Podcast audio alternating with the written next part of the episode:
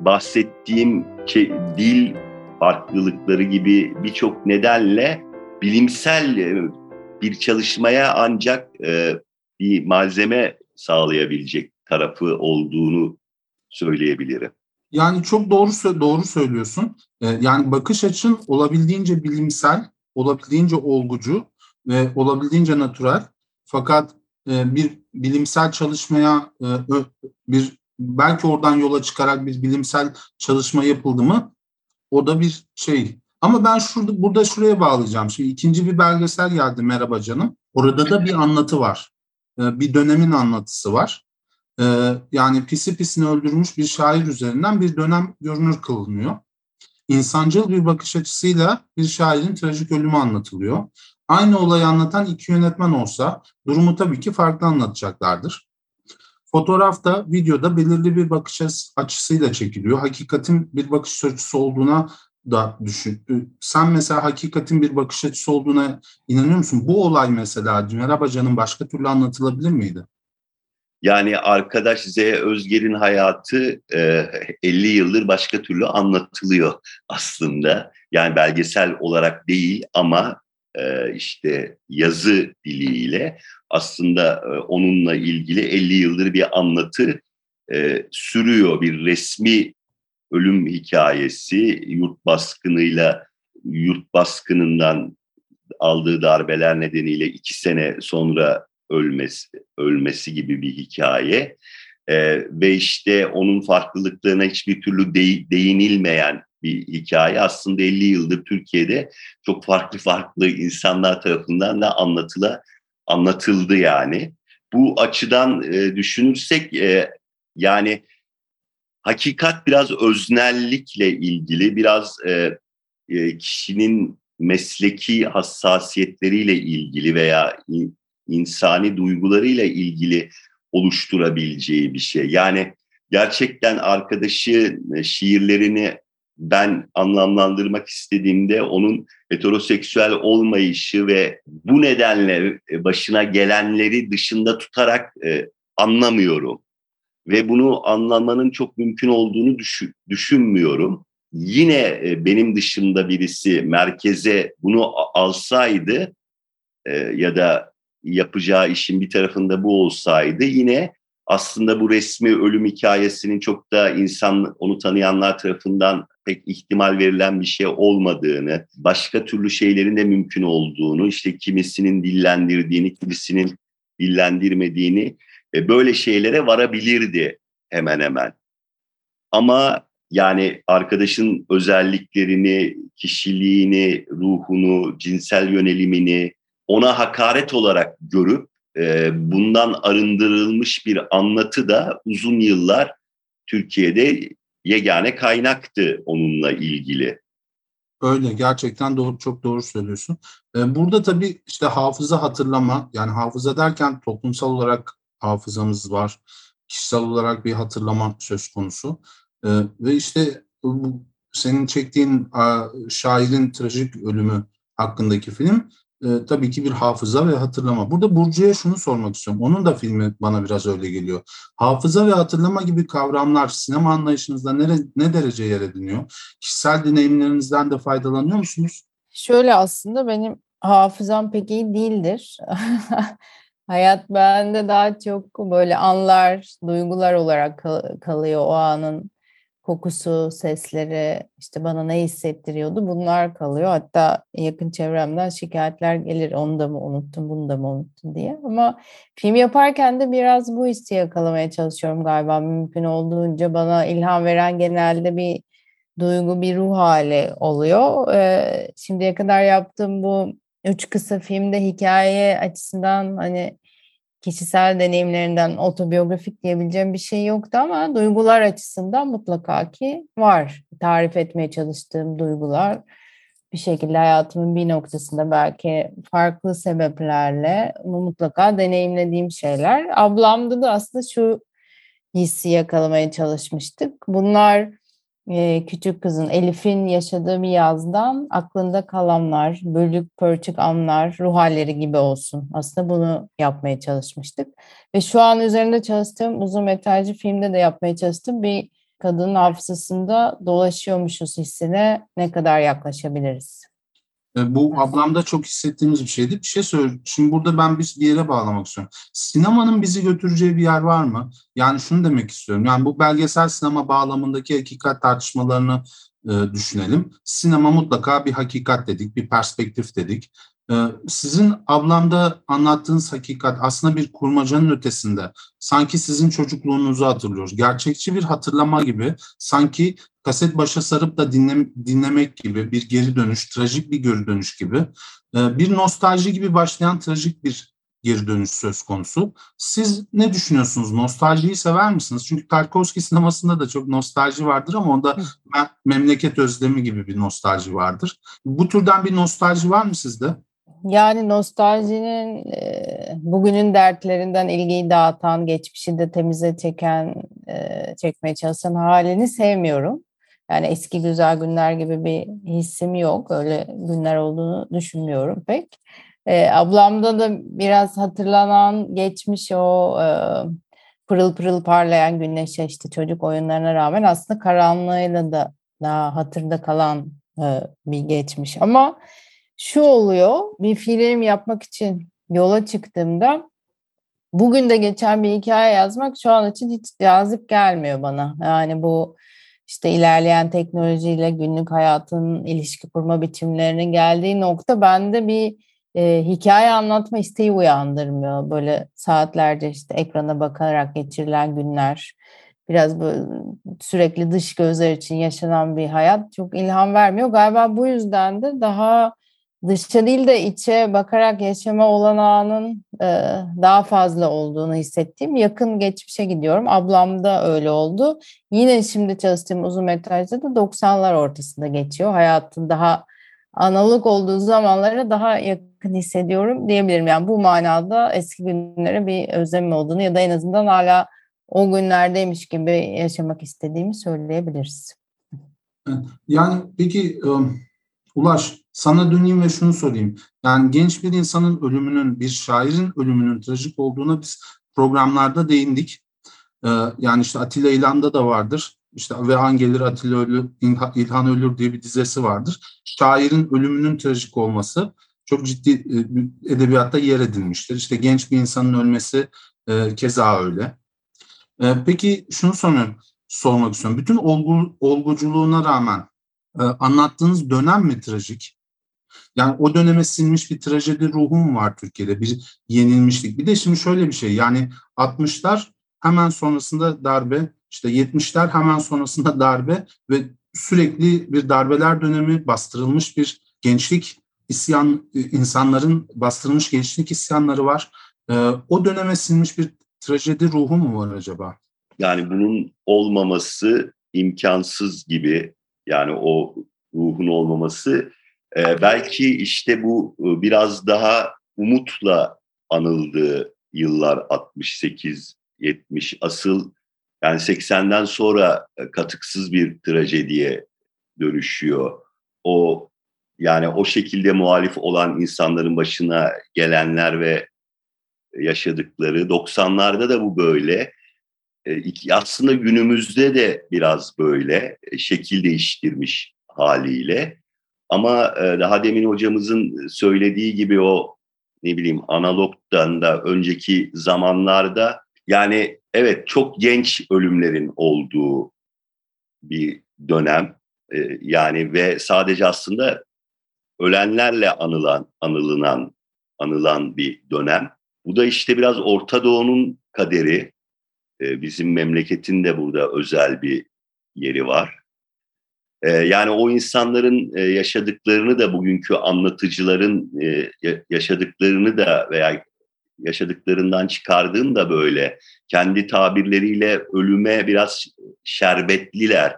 Ee, çünkü etraflarında sürekli öldürülen, kendilerinin e, ölümden döndüğü çok fazla e, olay var. Kaybettikleri çok fazla insan var.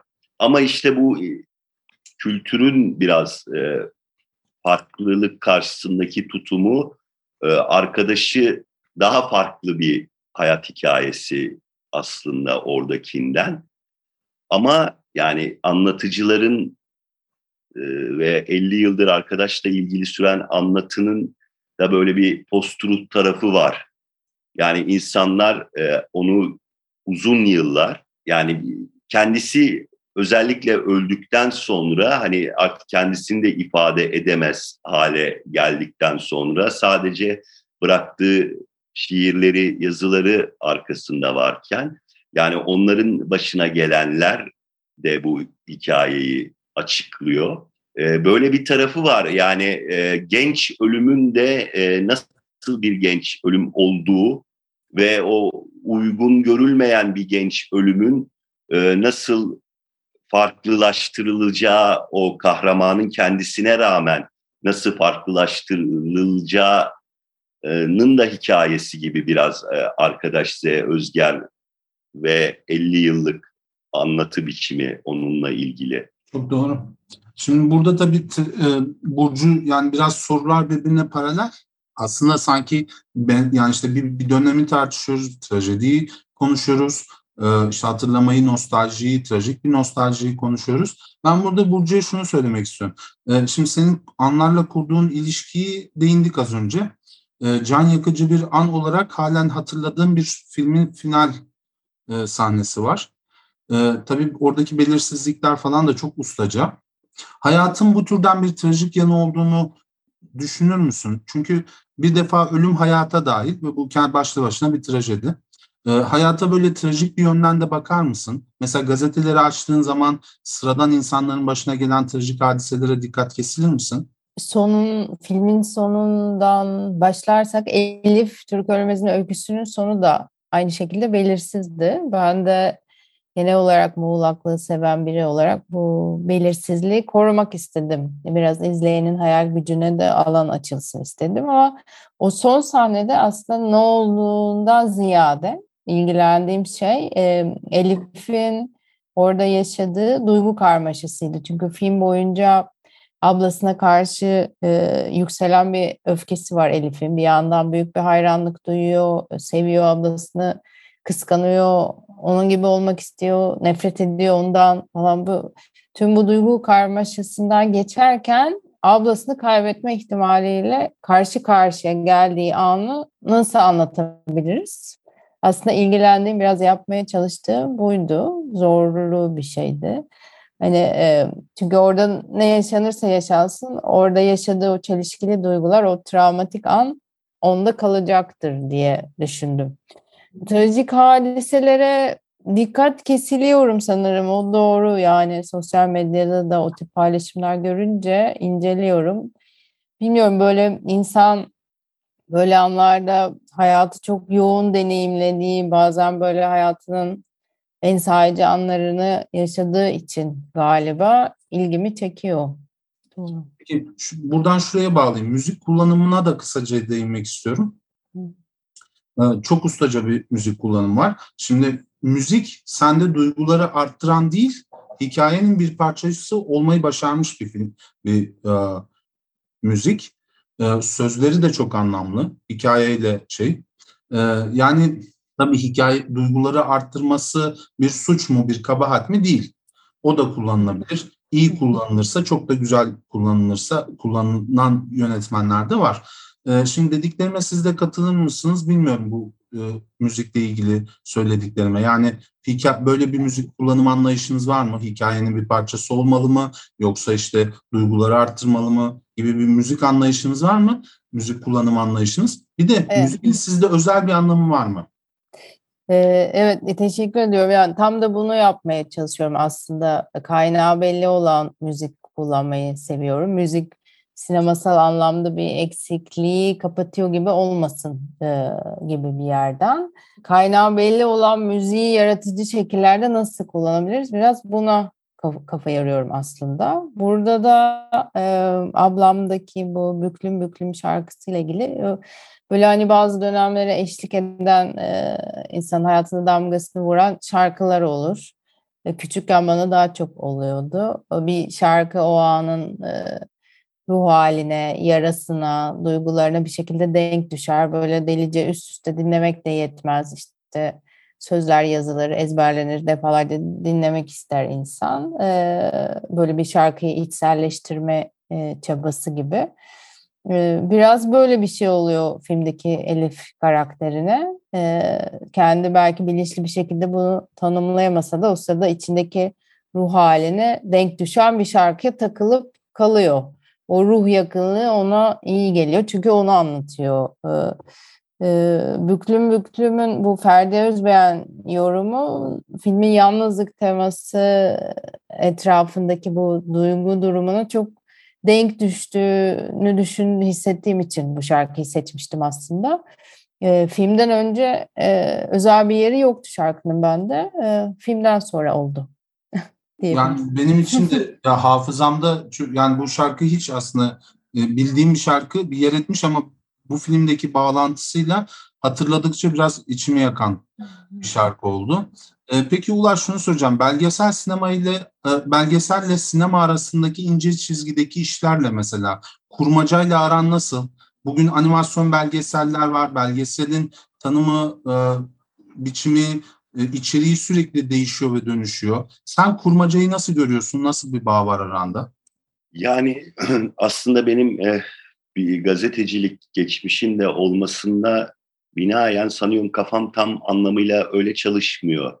Ee, yani e, o gerçek, tırnak içindeki gerçeğe tanıklık edebilme hali e, beni motive ediyor veya bunun içinden bir şeyler çıkarma hali e, beni motive ediyor. Ama e, başkalarının yaptığı e, bu kurmaca tekniğiyle yaptığı şeyleri izlemekten e, keyif alıyorum. Onlardan anlamlar da çıkarabiliyorum ama benim için tam anlamıyla öyle e, olmuyor. Yani bir o, o kadar eşleş anca gördüğüm e, bir şeyi anlamlandırabiliyorum. Onu zihnimde kurup veya değiştirip yeni bir şey yaratıp şeklindekinden ziyade yani oradaki dinamikler biraz daha benim için gazetecilikten gelen şeylerle daha e, örtüşüyor gibi oluyor. Yani e, hani böyle işin e, zorluğu